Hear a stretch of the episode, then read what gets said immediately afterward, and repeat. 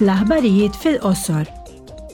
Waqt is-sessjoni plenarja ta' għada, il-membri tal-Parlament Ewropew se jħarsu lura lejn is-sena mill-bidu tal-attakk tar-Russja fuq l-Ukrajna u se jistabbilixxu dak li l-Unjoni Ewropea għandha tagħmel biex tappoġġja lill-Ukrajna. L-għada huma se jadottaw riżoluzzjoni dwar dan. Il-Ħamis ukoll, is-Servizz tal-Istampa tal-Parlament Ewropew se jorganizza seminar biex jevalwa l-azzjonijiet tal-Unjoni Ewropea b'rispons għall-gwerra u l-miżuri ta' appoġġ biex innaqqsu l-impatt tagħha fuq l-ekonomija tal-Unjoni Ewropea. Għada fi Strasburgu, il-Membri tal-Parlament Ewropew se jikkummentaw dwar il-proposta l-ġdida għall-Pjan Industrijali tal-Patt Ekoloġiku. L-għan hu li jistimulaw l-iżvilupp ta' teknoloġiji ndaf fl-Unjoni Ewropea u jiżguraw awtonomija strateġika tal-Unjoni Ewropea. Il-President tal-Kummissjoni von der Leyen se tkun preżenti fl-emiċiklu għad-dibattitu.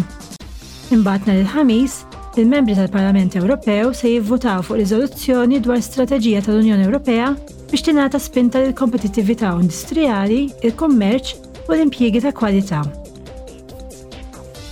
Ilbieraħ kien il-Jum Dinji tar-Radju. It-tema għal din it-tnax-il edizzjoni hija Ir-Radju u l-Paċi. Il-gwerra, li hi l-oppost tal-paċi, tista' anke tirriżulta f'kunflitt ta' preżentazzjoni tal-istejjer fuq il-midja.